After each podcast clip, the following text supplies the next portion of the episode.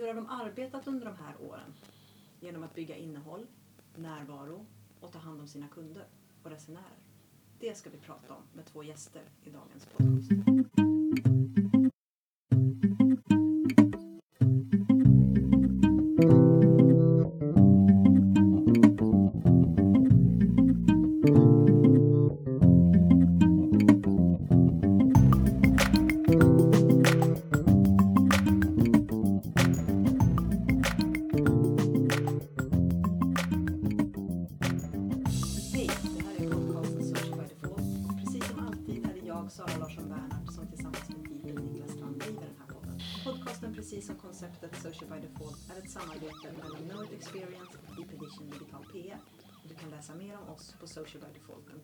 Ni vill kommentera avsnittet eller har idéer för framtida avsnitt, twittra med hashtaggen social by default eller prata med oss på vår Facebook-sida. Podcasten sponsras av våra Patreons. Idag vill vi särskilt tacka V-hotell här i Helsingborg för att vi fick låna den här mysiga vinkällaren för att kunna spela in lite podcasts.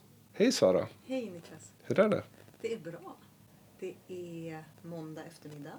Du vaknade tidigt i morse och tog tåget till Göteborg. Och sen satte vi oss i bilen och körde hela vägen ner hit. Mm. Varför det? Vi ska göra en eh, grej imorgon Mm. för en av våra kunder. Precis. De vi faktiskt också kommer prata med i den här podcasten. För vi har ju två gäster med oss idag. Vi kommer träffa eh, Rebecca och Ulrika, ni kommer höra mer om dem lite senare, som jobbar på Skånetrafiken. Vi fick möjlighet att ha ett samtal med dem om hur de har jobbat, för vi har ju jobbat med Skånetrafiken ganska länge. Något annat som är viktigt att lyfta fram innan vi får höra intervjun. Vi är klara med våra internetdagar. Ja, det är vi. Nu har vi fyllt både sociala mediespåret som vi kör den 20 november. Mm. Fantastiska talare. Mm. Det kommer bli en jättespännande dag. Och även fake news-spåret tisdagen den 21. Precis. Också fantastiska och roliga och lite annorlunda talare på sina ställen som kommer prata om allt från social engineering, filterbubblornas vara eller icke vara. Massor med intressant med folk från, även från Facebook, Göteborgs universitet, från massa olika ställen. Statens medieråd är med. Ja, jättekul. Det ska bli otroligt roligt faktiskt. Mm. Eh, Det känns som att båda dagarna kommer landa bra. Och ni som inte har varit på internetdagarna, den går ju då av stapeln måndag, tisdag 20-21 november och är en av Sveriges större internetkonferenser. Mm. Det är massa parallella spår där vi driver två av dem då, ett varje dag. Det är Stiftelsen för internetinfrastruktur i Sverige, IIS, som eh, driver hela dagen. Och det finns massor med annat. Så kolla in på internetdagarna.se. Boka en biljett. Eftersom ni lyssnar på den här podcasten så skriv i IND17 i rabattdelen så får ni också 20 procent.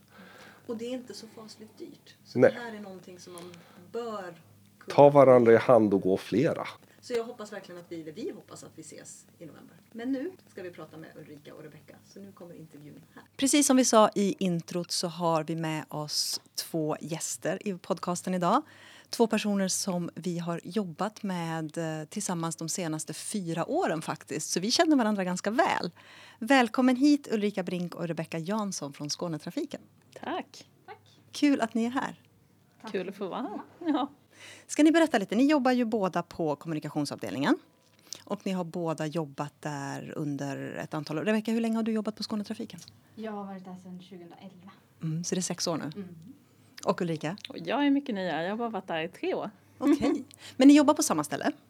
Ja. Vad är det ni gör? Vi arbetar med våra sociala och digitala kanaler, men framförallt eh, våra sociala kanaler. Mm. Eh, såsom Facebook, Instagram, Twitter, Youtube. Mm. Och det handlar egentligen om allt ifrån att eh, ja, men ta fram strategier för innehållet till att vara med och stötta kundtjänst eh, som finns i ett par av våra kanaler varje dag. När vi började samarbeta för fyra år sedan, då hade ni redan närvaro i kanalerna. Men vi har ju jobbat tillsammans också ganska mycket för att få någon form av beteendeförändring. Dels hos era resenärer men också kanske internt i organisationen att förstå hur sociala medier faktiskt är viktigt i kommunikationen. Om ni tittar tillbaka de här fyra åren, när vi började, vad kan ni se har förändrats? Jag tycker vi har fått, vi har fått in en hel del eh, mer innehåll kan jag säga från verksamheten och verksamheten har eh, mer och mer engagerat sig i våra kanaler tycker Mm. jag Eh, under de här åren. Eh, och eh, sen har det ju gått lite upp och ner med engagemanget hos följarna.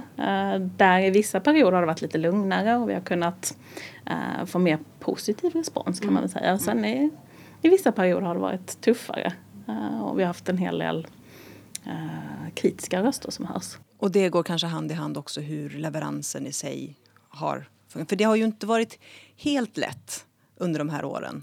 Nej, det är ju en utmaning att jobba med kollektivtrafik. För det är så mycket i verksamheten som kan gå fel. Och eh, det är inte alls konstigt att kunderna upplever det negativt. Eh, det gör ju alla vi som är ute och åker. Tycker att det är jobbigt om tåget inte kommer i tid eller om det inte funkar som det ska. Så det är klart att det är prio ett för kunden. Om vi går tillbaka till, till just eh, organisationen och det här du sa att ni har fått en kanske högre medvetenhetsgrad, en bättre acceptans. Hur har det skilt sig under de här åren? Vad var det som har förändrats från, från början till nu? Vi började ju på Facebook och Twitter Mm. eh, som de två första kanalerna. Eh, sen när vi skulle ta steget in och utveckla eh, Instagram och Youtube och, eh, och LinkedIn så fick vi med oss organisationen.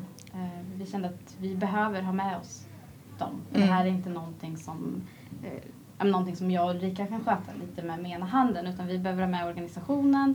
De behöver förstå vikten, förstå vart vi vill komma, eh, förstå mål och syftet. Det är, en, det är någonting som hela Skånetrafiken behöver vara med på. Eh, och det fick vi med. Och jag tror att det var det som gjorde att men lyckades ta steget och utveckla det så pass mycket som vi kunde. Mm. Eh, Vi kunde koppla på vår kundtjänst och vi kan också få med vår trafikcentral som ett steg i att vi hade organisationen bakom oss. Om man tittar på hur, hur syftet och målet med kanalerna är då. För nu har ni ju närvaro i stort sett i alla de stora eh, sociala kanalerna som vi har. Men om vi koncentrerar oss på Facebook som egentligen var den kanal som ni hade från början. Eh, när vi kom in så upplevde vi att det var väldigt mycket en proaktiv, reaktiv kundtjänst. Lite så här, antingen springa före eller springa ikapp. Sen har vi ju plockat in ganska mycket annat innehåll genom åren. Hur har ni upplevt att kunder eller resenärer har anammat den här förändringen? Men det, det kändes ganska naturligt tycker jag när jag började. För jag, det var ett intryck jag hade med mig när jag började på Skånetrafiken. Att man gjorde mycket som var bra men, men det saknades lite av det här mänskliga inslaget. Mm. Framförallt så saknades det också lite stolthet tyckte jag. I alla fall var mitt intryck. Och eh, vi behövde liksom gå ut och berätta vad är det vi gör för kunderna varje dag. Och hur påverkar det faktiskt kunden i positiv riktning. För det är lätt att eh, sitta på ett tåg och vara lite kritisk men det kanske inte är lika lätt att göra förändringar på kort sikt. Det tar ganska lång tid att påverka kollektivtrafiken i rätt riktning. Och sen tror, tror vi väl också att eh, få fram det mänskliga genom att det är svårare att vara, det är lättare att vara arg på en logga eller en byggnad. Eh, Men att faktiskt visa människor bakom som gör sitt bästa varje dag.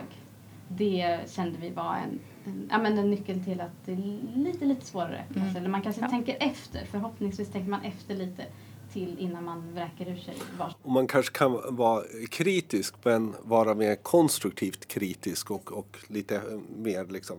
Det för, självklart, ja men kom inte tåget, det är klart man är, blir irriterad liksom och det är ju det är ju ni som är ansvariga för det i slutändan ändå. Det är ni som levererar produkten.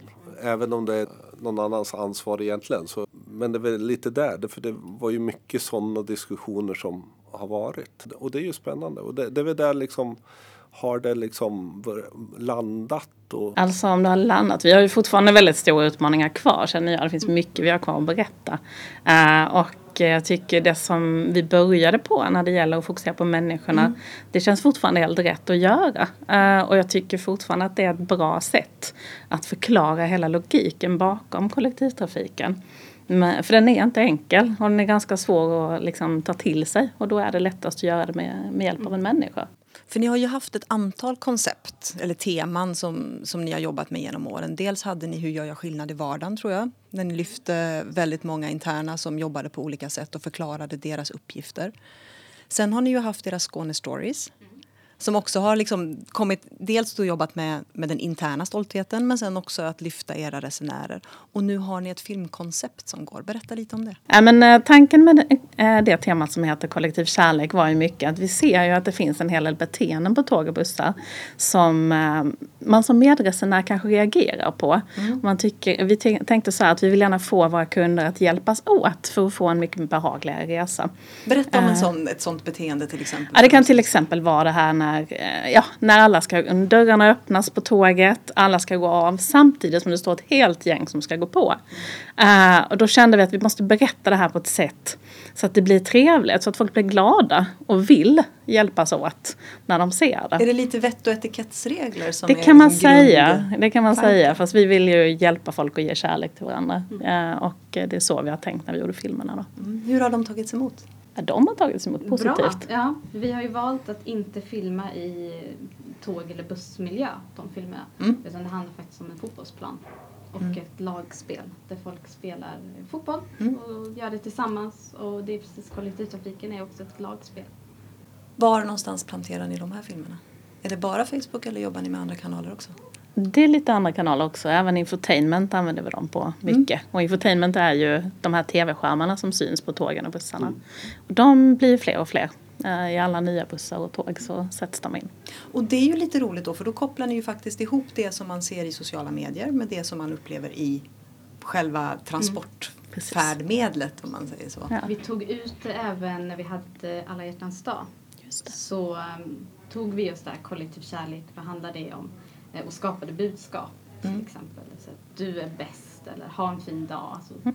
Och så planterade vi, eller satte vi upp det på bussar och busskurer. Så tog vi liksom ett steg till.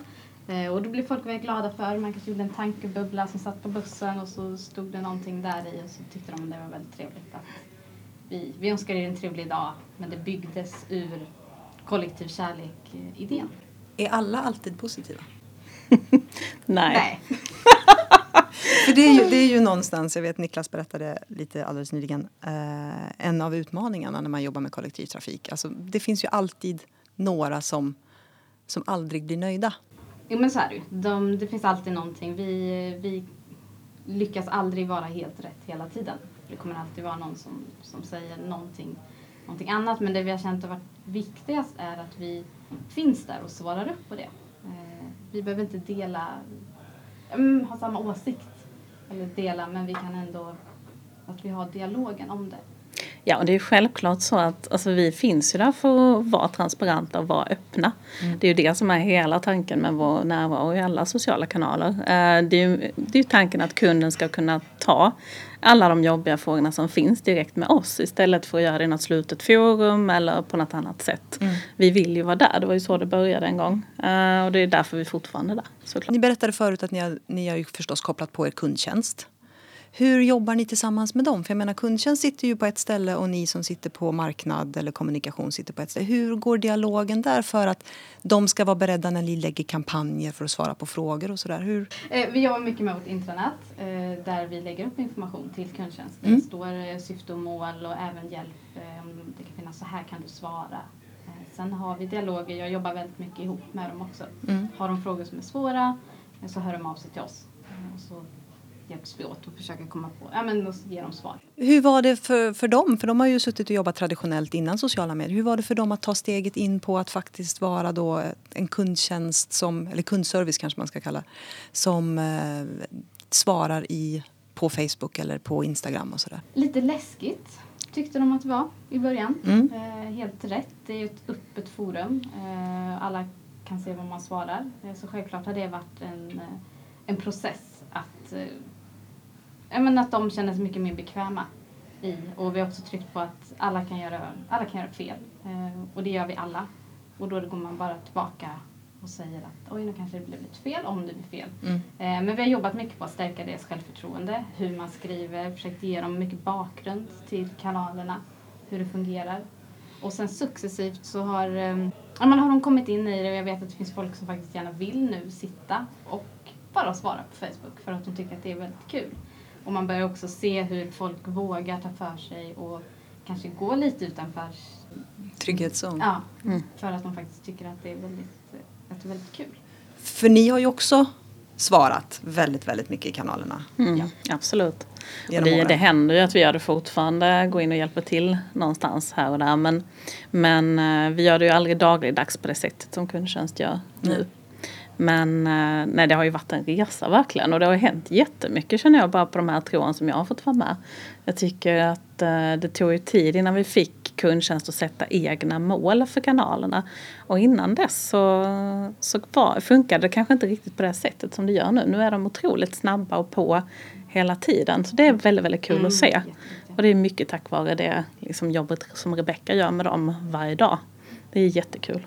Ja, och lite att vi tog med Facebook och Twitter precis som en eh, kanal som chatt eller telefon. Det är inte en separat egen grej som man kan sköta lite då och då utan det blev en del av deras vardag. Eh, Så att nu är det inga, inga konstigheter att man svarar på ett mejl eller sitter på Facebook. Det är precis samma, samma sak. Hur funkar det? För en, en av de stora svårigheterna man ser i organisationen ligger ju kanske inte numera i kundtjänster för lite som ni säger, men bara de fattar vad, de, vad det handlar om så är det ju bra och de ser fördelarna och möjligheter och kan hjälpas åt mycket mer. Men in uppåt i organisationen eller in mot experter och liknande, de som man ofta behöver svar till. Hur har ni jobbat för att lyckas få dem och, och ofta kanske vara lite snabbare och förstå prioriteringarna. Och så. Ja, det, är, det är ett ständigt jobb och, och så fort det kommer in nya människor i organisationen så får man någonstans ta om det eller fördjupa det jobbet. Eh, så att det blir man nog aldrig färdig med skulle jag säga. Men jag tycker nog att sen vi tog eh, fram den här innehållsstrategin som vi tog fram för två, tre år sedan. Så eh, då fanns det liksom en, eh, en digital styrgrupp inom organisationen som spred det här lite grann. Spred ordet, hjälpte oss med det. Eh, och det gör ju att vi har haft lite hjälp med att kratta i manegen kan man väl säga. Vad finns för svårigheter i det här då, just att göra det hela tiden? Ja, men det svåra är väl just att få alla att ge snabba svar precis när vi behöver dem. Eh, för ibland sitter man i något viktigt möte och att då be dem prioritera oss framför det viktiga mötet. Det kan all- alltid vara en utmaning, så är det ju i alla organisationer.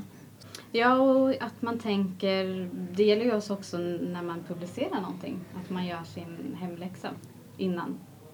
Och tänker till, vilka kan be- kommer Precis. behöva svara på saker? Och hur saker och ting kan få en annan vändning kanske, om man inte alltid har tänkt hela vägen. Sen kan alltid dyka upp saker ändå, men man, är det ett ämne eller en diskussion eller det finns något frågetecken och man försöker täppa igen det innan man lägger ut. För våra följare är väldigt, väldigt aktiva och det är vi glada för, men de är också snabba på att ställa de här frågorna. Är ni duktiga på scenarioplanera då inför sådana saker?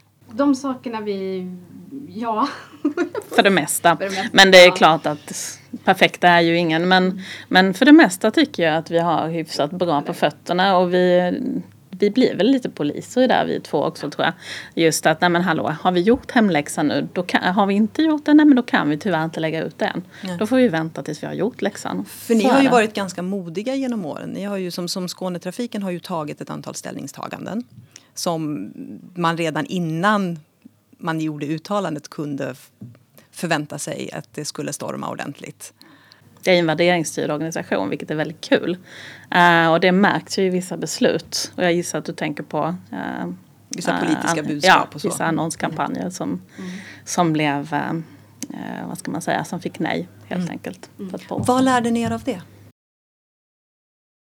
Ja, vi, Förutom att vi lärde oss nog hur, viktigt, hur viktigt det är med snabba, bra kommunikationsvägar internt. Eh, det tror jag vi lärde oss. För det, vi hade väldigt, vid den tidpunkten hade vi väldigt, väldigt korta informationsvägar internt. Och det gick väldigt bra att hantera det internt, kände jag. Då blir man väldigt trygg i sitt jobb också. Och vi hade vissa kärnbudskap som vi jobbade med eh, under hela tiden. För vi var ju vi var beredda på att det skulle komma reaktioner. Eh, men inte att det skulle bli så mycket reaktioner. Nej. Eh, och då hade vi de här fem, sex budskapen eh, som vi höll oss till och arbetade med hela tiden just för att inte det skulle sticka iväg eller vi skulle hamna i diskussioner där vi inte ska vara. Utan det här är vad vi vill säga och det var det vi jobbade med. Och vid den tidpunkten så tog vi ju faktiskt hem kommentarsfältet ifrån kundtjänst också. För vi sa att det här är så annorlunda eh, kommentarsfält mot hur det brukar vara. Eh, så då valde vi att ta över själva eh, för att det, det var lättare att hålla det, eh, vad ska man säga, hålla tempo i det då. Eh, Det, för det, det, är ju en, det är ju en spännande del där, där ni två ändå är lite en annan form än vi kanske ser i andra organisationer. Ni är ju liksom PR. Ja. Och det är, ju, det är ju liksom, ni kommer ju från PR-delen ganska. Ja, och vi ser ju också, det som är kul är ju också att nu har vi ju en utvecklingsblogg och vi har Facebook där vi ser att media ganska ofta plockar upp det vi skriver i kanalerna. Så vi behöver inte alltid välja den självklara PR-vägen utan vi kan välja våra kanaler också för att nå ut. Ja, vi har varit med om att de går in och kollar där folk lägger inlägg. Eh, och Mm. Just så det. lyfter de upp eh, om något har, någon har gett oss dagens ros eller det har varit skrivit om en händelse som sticker ut och så lägger de det på vår Facebook-sida. Då har vi sett att de kan ringa från Expressen eller annan media eh, och sagt att Åh, vi såg ett inlägg på er Facebook. Kan vi komma i kontakt med, med den här bussföraren eller tågvärden? Så vi vet att folk har ögonen, inte bara vad vi gör utan vad som faktiskt också skrivs. Och det känns ju jättekul Mm. att det får bli ett sånt, liksom, en levande plattform. Det tror jag också är viktigt för många andra organisationer att, att inse liksom att det behövs människor som, som tänker PR även i sociala medier och i, i då så att de som verkligen jobbar med det hela tiden. Tänka liksom den, de här, okej okej vilken vinkel kan det här få, vad, vad är det? det det är för en van, vanlig, men en kommunikatör, en, en så att duktig kommunikatör tänker ju kommunikation ut till alla medan PR har ändå, ja men vad finns för vinklar, vad finns det för sådana och att man behöver både och väldigt mycket. Ni är ju ett offentligt företag. Vad finns det för utmaningar där när man kopplar ihop det till sociala kanaler? Egentligen tror jag att det på sitt sätt är lättare för att vi är ju ändå så pass offentliga med allting eh, i organisationen så jag tror kanske att det är lite lättare på så sätt att vi behöver aldrig känna att är det här hemligt eller inte. För det är ju väldigt lite hos oss som är hemligt. Så på så sätt tror jag det är enklare. Men sen krävs det ju mycket mer service av oss kanske. Eh, det kan jag inte riktigt bedöma men jag tror att det krävs lite mer av oss när det gäller service. Att vi tar ansvar för helheten på ett annat sätt eh, än vad företaget gör som säljer någonting kanske. Ja, folk förväntar sig nog också att, av oss att vi är mycket mer öppna, eh, vilket vi är. Det- För ja, men transparensen är ju någonting som vi pratar hela tiden med alla Mm. organisationer oavsett om du är privat, statlig, offentlig, whatever. Men, men det, det som ni ofta får är ju liksom, är det här som våra skattepengar ska gå till? Och, och så. Ja, det- och hur, hur svarar ni det? det? För det är ju liksom den ständiga liksom. Ja, den frågan får vi ganska ofta. Kanske inte just för att vi är närvarande i våra sociala kanaler för det tror jag de tycker är ganska Ja, det är väl självklart idag kunderna. ganska Eh, sådär, ja, det tror jag man förväntar sig. ja. Det, det tycker jag är tydligt att man förväntar sig. Däremot var det ju snarare så innan vi ökade öppettiderna. Att man blev irriterad för att vi inte var där på kvällar och helger och så. Berätta om det. Vilket är förståeligt. När åker man egentligen till kollektivtrafiken? Ja, ja. Halv fem? Va? Är det inte mellan tio och tre? Eh, nej men vi hade ju när vi startade upp eh, från början när vi hade en mindre närvaro så var vi där mellan åtta och halv fem. Eh, och då och måndag till Fredag. Sen märkte vi ju ganska så snabbt då att det som hände på helgen är det relevant att svara på på måndagen när det kanske är en fråga vad hände med mitt tåg? Eh, Då har jag förhoppningsvis kommit hem. Eller en smärre översvämning sådär. Eller andra saker. Så att eh, det jobbade vi ganska, eller vi lyfte det ganska tidigt eh, efter att kundtjänsten tagit över. Mm. Hur ser det ut idag? Vad har ni för öppettider nu? Idag är de där måndag till fredag mellan 6 och eh, 22 Mm. och sen på helger är de där mellan 8 och 22. Det är helt fantastiskt. Och sen efter klockan 22 eh, vid större akuta händelser så finns våran eh, trafikinfocentral Mm.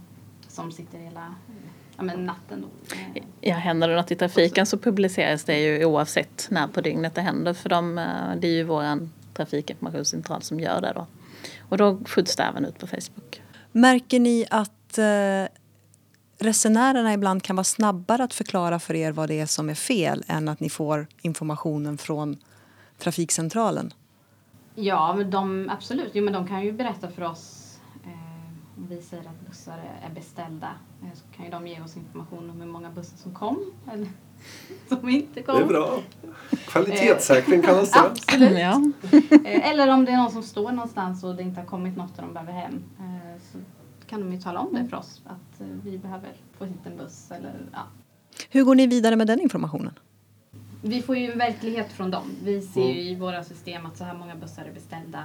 De här borde köra så här och så här. Men sen har, är de bra på att tala om för oss eh, hur många som faktiskt är där och ändå hjälpa oss. Det vi ser med trafikinformationen, syftet är ju både att tala om att någonting större har hänt men också få folk att hjälpa oss att sprida att något har hänt. Eh, Det ser vi ju framförallt när vi har haft, när väder har påverkat. Sådana inlägg sprids ju väldigt, väldigt snabbt. För folk känner, om man inte pendlar själv så känner man kanske någon som pendlar. Och så ser man det på sin Facebook och då vill man tala om. Eh, nu händer ju det som tur var inte så ofta. Men det visar att det är ett väldigt bra sätt. Hur hanterar man balansen mellan eh, innehåll, content, eh, värdeskapande, varumärkesbyggande och trafikinformation? Det är ju alltid trafikinformationen som är viktigast ur kundens perspektiv. Så att, eh, är det så att vi har en stor störning så brukar vi normalt pausa allting annat. Om det inte är väldigt, eh, vad ska man säga, Lokala. Eh, lokala eller mindre saker. Så att, för vi ser att det är det, som, det är det enda som är intressant för kunden just där och då helt enkelt. Nu har vi ju pratat ganska mycket Facebook för det är oftast den kanalen som är den största och med tanke på den målgrupp som ni har. Men hur tänker ni kring de andra kanalerna? Vad använder ni Instagram till till exempel? Instagram eh, vi har vi framförallt fina bilder på våra bussar och tåg. Det har vi märkt. Eh, Vi är väldigt lite överraskande själva. Att det fram, lägger du en fin, eh, fin bild Buss på buss på fredagen så är det liksom Folk gillar det. Eh, Men också så kör vi då något som kallas för Skåne Stories. Där vi lyfter våra resenärer. Eh, Och det behöver inte handla om eh, hur de reser. eh, Men det kan handla om, vi vill visa vilka är det som, som pendlar med oss och vad gör folk? Så att få också in det här mänskliga men i ett annat perspektiv utifrån kunden. Vilka tror ni det är som följer er på Instagram? Är det resenärer eller är det folk i Skåne generellt eller är det mycket lite- internt? Lite blandat faktiskt. Eh, Det känns som att de som följde oss på Facebook börjar flytta över till Instagram eller att de finns i båda plattformarna. Men att det är även en hel del pendlare. Det börjar komma mer och mer frågor på Instagram. Mm. Har ni kopplat på kundservice där också eller är det ni som sitter och svarar? I dagsläget så är det vi, för det har varit eh, relativt få kommentarer. Mm. Eh, men vi kan se en ökning i att det blir mer på Instagram mot vad det varit tidigare. Andra kanaler framöver då? Twitter? Ja, Twitter är vi ju till. alltså Twitter är ju generellt en, en lite knepig kanal sedan ett par år.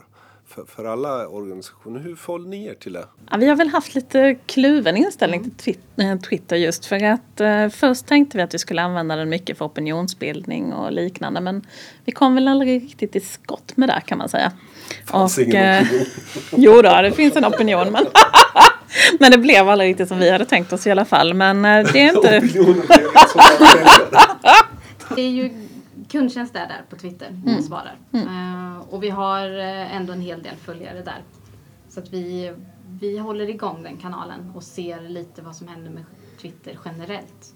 Det känns som att den i stort har, ligger lite i ett vakuum. Mm. Och vi avvaktar och ser lite vilket håll det här kommer ta. För ni har ju haft ganska mycket kundtjänstfrågor där tidigare. Har de minskat eller har det blivit ett annat klimat eller är det så att ligger väl ganska konstant va? Ja, Jag tycker gör inte det har förändrats så mycket i strömmen som kommer in. Det har inte ökat heller. Så att, eh, mm. Det tickar på lite med, med, med följare men aktiviteten är ungefär densamma. Så att den är lite, ja men vi vill nog se lite mer vad som händer med den. Andra kanaler. Vad har ni testat på för andra, andra saker? LinkedIn har vi ju. Eh, och där har vi jobbat rätt så mycket de senaste åren med att lyfta fram eh, våra kollegor såklart. Eh, vad vi jobbar med. Och även berättat lite grann kring våra olika samarbeten som vi har med kommuner och organisationer av olika slag. Och så fort någon kollega är ute och gör något roligt föredrag och liknande så berättar vi om det. Och det brukar få ganska positivt gensvar. Det är en väldigt positiv kanal. Ganska så snäll kanal om man jämför med en del av de andra. och eh, sen självklart delar vi ju lediga tjänster och den typen också. Så det är, det är liksom employer branding, Ja, HR, lite grann, fast lite- Innovation, liksom, helt enkelt vad, Precis. vad ni är. Liksom. Ja, utvecklingsfokus har vi ganska ofta där och berättar mycket om vad som händer kring våra nya appar och kanske också vad som händer i trafiken, hur vi utvecklar trafiken på olika sätt. Om vi får nya fordon, vilket vi får ibland. Och om de får någon ny spännande utrustning så lyfter vi gärna fram det också. Eh, vi hade något eh, berömt inlägg som har gått fortfarande bäst tror jag, när vi visade på en liten USB-laddare på en stadsbuss här i Helsingborg. Och eh, ja, det var otroligt, blev otroligt spritt och likat på LinkedIn, vilket var kul. Vilka är det som följer er där? Ja men där är det faktiskt mycket offentlig sektor, det ser vi ju. Eh, och eh, även en hel del tekniknördar förstås. Så att, mm. Finns det några andra kanaler ni är sugna på eller har funderat på? ja, vi har ju Youtube då men, eh, och den har vi ju den har vi haft sedan ett par, tre år också. Eh, vi har inte använt den som någon eh, Youtube-kanal fullt ut utan mer som en container. Men, men vi ser ju att engagemanget i den kanalen ökar också. Vi får in, nu sedan vi lan- lanserade vår nya app i våras så fick vi ett stort gäng kommentarer och frågor den vägen. Och det var mycket pensionärer, vilket jag blev otroligt paff över. Vilket tyder på att de tycker den är bra, att de får det en hel del av det innehållet de vill ha där också. Och vi har varit ganska duktiga på att använda film de senaste åren också. Eh, vilket självklart underlättar. Snapchat då? När det gäller att nå de unga? Nej, men vi, vi, tänk, vi tänkte på Snapchat, absolut, när det var är aktuellt. Men vi valde att avvakta lite med den kanalen, eller om vi skulle vara i den kanalen. Eh, Både för att, som vi var inne på tidigare, det handlar om att en hel organisation någonstans måste finnas bakom ett beslut att gå in i en ny kanal. Eh, Att ha ett tydligt syfte och mål. Eh, Varför ska vi vara där? Vad ska vi göra? Kommer vi kunna underhålla den så som kanalen är tänkt? Eh, och så valde vi att vara lite mer avvaktande Eh, i om vi skulle gå in där. Sen utvecklades ju hela Insta-stories och Facebook har ju lagt till en hel del mer också med live-funktioner och sånt. Eh, så vi känner att det är just nu tillräckligt eh, för oss än, än att gå in i ytterligare någonting nytt. Men kanske längre fram, men inte just nu. Nej. Nej, vi känner inget behov av att ligga längst fram när det gäller just hur många kanaler och vilka kanaler vi ska vara med i. Vi väljer ju att finnas i de kanalerna där de flesta av eh, ja, våra kunder finns helt enkelt. Och sen som Rebecka säger, att vi mäktar inte med hur mycket som helst heller utan vi måste se till att vi kan hantera det vi har. för framtiden nu tror ni för sociala medier i, i den del av sociala medier ni jobbar i och rör er i? Hur, hur kommer ni jobba om två år? Vad, vad tror ni kommer att hända? Jag tror att en hel del kommer förändras. Det är svårt att säga riktigt vilken riktning det kommer att ta. Men jag tror att kunderna flyttar ju sig och då måste kanske vi också göra det till viss, i viss utsträckning.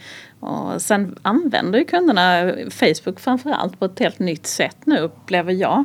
Så att eh, vi har ju en hel del utmaningar med att nå ut med den informationen vi På vilket sätt? Ja, men tidigare hade vi väldigt lätt att få engagemang på de inläggen vi gjorde och nu har vi väldigt svårt att få det.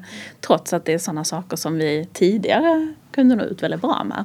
Ja, det känns som att Facebook har blivit lite som, som Twitter var sett till nyheter. Men det har blivit väldigt mycket nyhetsflöde. Eh, och framförallt också märker vi en stor skillnad några år tillbaka då när, när Facebook just med algoritmer och de sakerna som inte riktigt var kanske lika utstuderat när det började. Eh, där har vi ju märkt eh, att det är inte lika enkelt att bara nå ut med saker. Eh, det betyder inte att inläggen i sig inte är inte är bra, men det krävs, eh, det krävs mer. Eh, Det krävs att man tänker till på ett annat sätt och jag tror att ehm, man måste ha mycket pengar. Nej, men.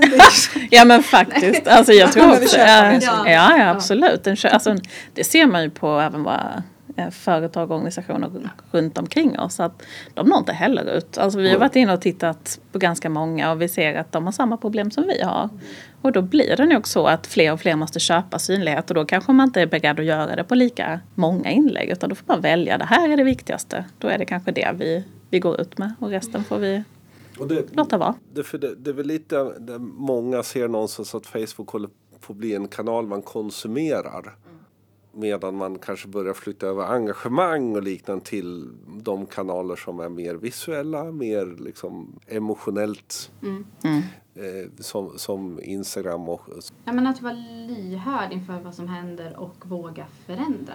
Vi brukar försöka titta, i alla fall minst en gång i halvåret gör vi en lite större utvärdering av alla våra kanaler. Vad som funkar, vad som inte funkar och också för att veta vidare till våra kollegor vad ska vi lägga tid och energi på. Eh, Någonting som funkade för två år sedan funkar kanske inte idag och då ska vi inte göra det heller.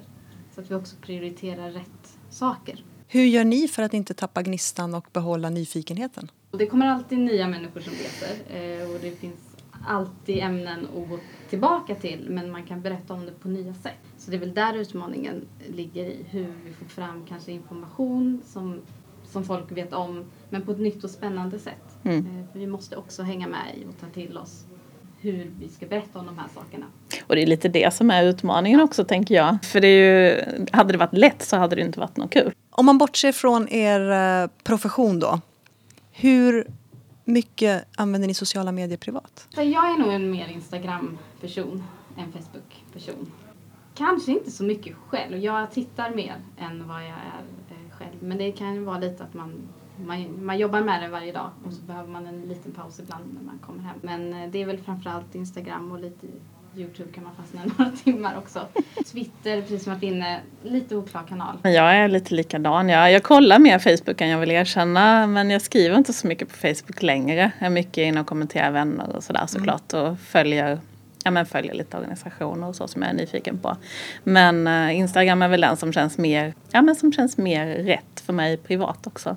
Så tycker jag ju att LinkedIn är lite spännande. Ja. Mm. Alltså har blivit mer spännande än vad det var för ett tag sedan. Det känns som att det börjar hända saker Ja, eh, där Jag också. Jag tycker att jag kan få rätt mycket bra eh, jobbtips på LinkedIn. Alltså just eh, artiklar man vill läsa och den typen. Om ni tittar till era egna beteenden då som ni har förändrat, er egen användning. Går det att dra paralleller med hur ni ser förändringen i kanalerna hos era användare? Ja, men det gör det ju såklart. Det, det är väl lite där teorierna kommer ifrån också, tänker jag. När man ser själv att ja, men det ska jättemycket till för att jag ska gå in och likea eller dela någonting som en annan organisation gör. Det är klart att jag är inte unik. De flesta tänker antagligen likadant. Om ni fick drömma ihop en organisation som skulle passa ert arbete framöver, hur skulle den se ut för sociala medier? Ja, men det som är viktigt tycker jag är ju att, att ledningen är medveten och vill. För man behöver dem. Det kommer alltid tillfällen när det blir tufft och då, då behöver vi ledningen. De måste stå bakom det vi gör.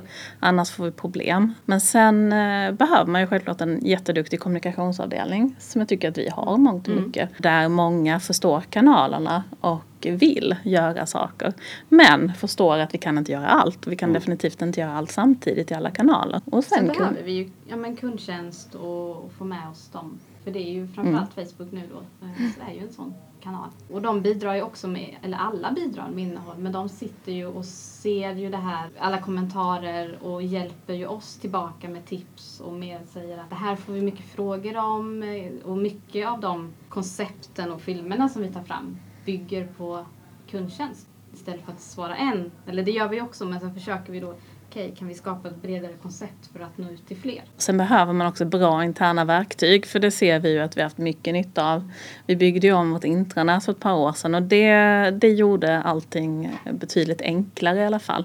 Eh, just när det gäller den här frågan som du var inne på tidigare, när faktaägare så att säga ska kunna kommunicera med kundtjänst och ge dem rätt underlag. Då behöver man bra interna verktyg där de snabbt kan hitta det de behöver för att kunna hjälpa kund. Eh, Har man inte det, då får man en väldig uppförsbacke varje gång. Sen är ju kundtjänsts svar är minst lika viktigt som själva inlägget i sig. Mm. Eh, För det är de som bär det ett steg längre och då behöver ju de hjälp också. Mm. Det finns bra information så de vet hur de ska svara. Och ju mer självförtroende vi kan ge dem på kundtjänst desto bättre är det. Vi hade ju något sånt där roligt exempel för något år sedan när en kundtjänstmedarbetares dialog lyftes upp i, i kvällspressen. Just för att han hade lagt lite extra energi på formuleringarna. Och det var ju så himla kul. Man blir så glad när sånt händer. Det är ju inget vi kan påverka mer än att vi kan hjälpa dem. Vi kan ge dem utbildning och, och, och stöd och sådär. Men det är ändå de som gör det. Och det är riktigt kul när det händer. Och mandat. Exakt. Mm. Det För den är ju alltid viktig just att man känner att man har faktiskt mandat att göra det där lilla extra. Och att de inser att det, det är ett så himla viktigt jobb de har.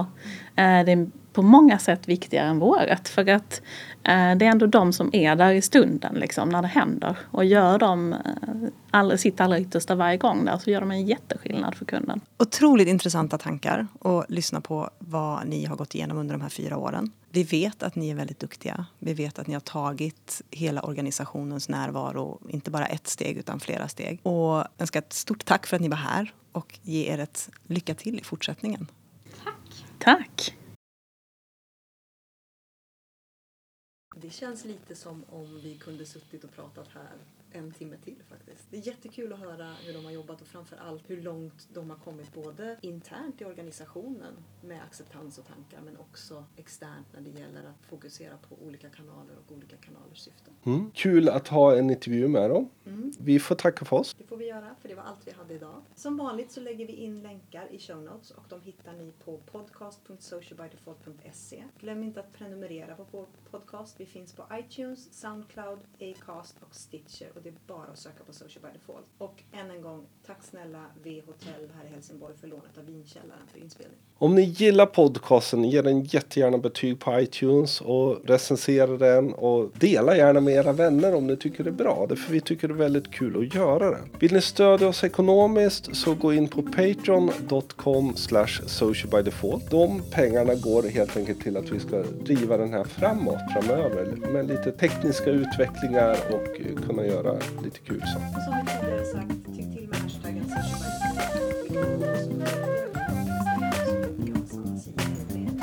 Och jag heter Deepet då!